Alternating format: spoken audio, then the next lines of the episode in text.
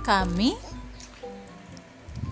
berdua keluarga penantian buah manis insya Allah menjadi kenangan manis untukmu Nona Ranting Muda kelak Stay tune di podcast kami bersama Nona Ranting Muda.